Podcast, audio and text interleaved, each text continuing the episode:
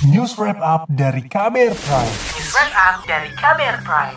Usulan perpanjangan masa jabatan Presiden Joko Widodo menjadi tiga periode terus bergulir dan semakin luas. Ada sejumlah pihak yang mendukung rencana dan terus menggaungkan isu itu ke publik, namun usulan ini juga menuai banyak kritik dan penolakan karena jelas melanggar konstitusi. Selengkapnya simak laporan yang disusun jurnalis KBR Astri.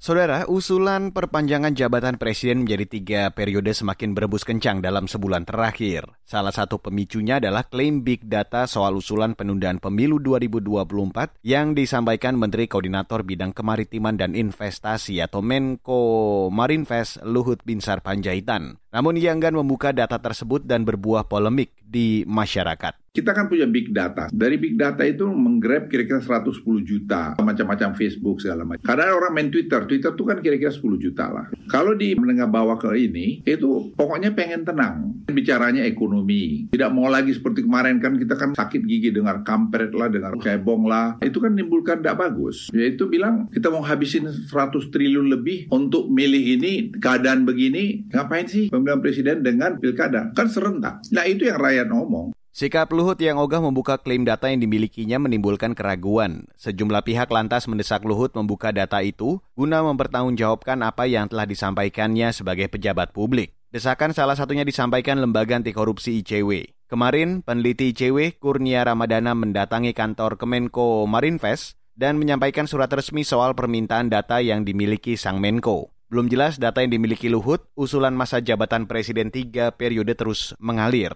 Kali ini datang dari Asosiasi Pemerintah Desa Seluruh Indonesia atau APDESI. Dalam acara silaturahmi nasional APDESI di Istora Senayan pekan ini, sejumlah anggota organisasi kepala desa itu meneriakan Jokowi tiga periode. Di acara tersebut, Presiden Joko Widodo turut hadir. Presiden juga berjanji bakal mengabulkan sejumlah permintaan APDESI, antara lain soal pencairan gaji sebulan sekali, biasanya tiga bulan sekali. Ketua Umum Abdesi Surta Wijaya mengaku bakal memulai kampanye Jokowi tiga periode setelah Idul Fitri. Kampanye akan dilakukan bertahap di seluruh daerah dari Sabang sampai Merauke. Presidenku!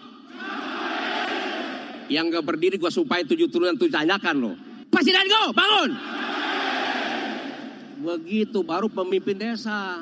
Dalam struktur kepengurusan Abdesi, Menko Luhut duduk sebagai ketua Dewan Pembina. Usai acara tersebut, diketahui fakta bahwa ada dua organisasi Abdesi. Satu, organisasi terdaftar di Kemendagri, satu lagi terdaftar di Kemenkumham, dan diketuai Arifin Abdul Majid. Abdesi Kubu Arifin menolak dukungan Jokowi tiga periode. Mengutip Tempo, Arifin menyebut Abdesi pimpinan Surta belum terdaftar di Kemenkumham. Karena itu ia menyesalkan Jokowi justru hadir di acara organisasi yang belum terdaftar. Di luar polemik dualisme Abdesi, Presiden Joko Widodo kembali menanggapi soal isu tiga periode jabatan presiden di sela-sela kunjungannya ke Jawa Tengah. Dia menegaskan semua pihak harus taat pada konstitusi yang sudah jelas mengatur soal masa jabatan presiden yakni dua periode yang namanya keinginan masyarakat, yang namanya teriakan-teriakan seperti itu kan sudah sering saya dengar.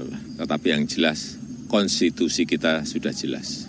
Kita harus taat, harus patuh terhadap konstitusi. Pernyataan itu disampaikan Jokowi menjawab pertanyaan atau teriakan sejumlah pihak soal masa jabatan presiden tiga periode. Hal tersebut terjadi saat perjalanan dari Bandara Internasional Yogyakarta menuju Pasar Baledono di Kabupaten Purworejo hingga Pasar Rakyat di Kabupaten Magelang. Pakar Hukum Tata Negara Refli Harun menilai usulan isu tiga periode ini muncul karena Presiden Jokowi dan Istana bermain api. Gerakan-gerakan ini berbahaya ya bagi Republik ini kalau tidak segera di stop oleh pemerintahan Presiden Jokowi sendiri.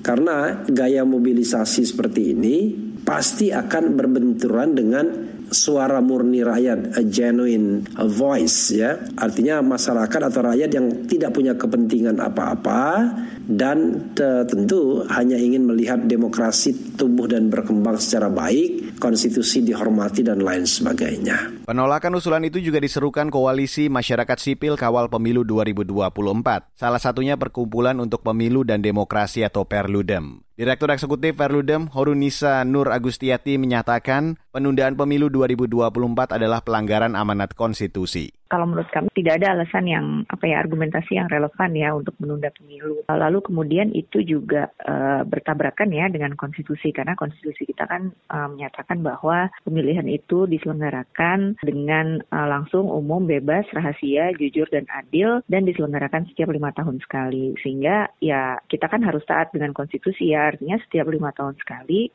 pemilu itu harus diselenggarakan. Koalisi juga membuat petisi tolak penundaan pemilu secara daring dan sudah ditandatangani puluhan ribu orang. Selain koalisi masyarakat sipil, usulan penundaan pemilu dan penundaan masa jabatan presiden juga ditolak sejumlah partai politik, antara lain PDI Perjuangan, P3, dan Nasdem. Saudara, demikian laporan khas KBR, saya Reski Mesanto.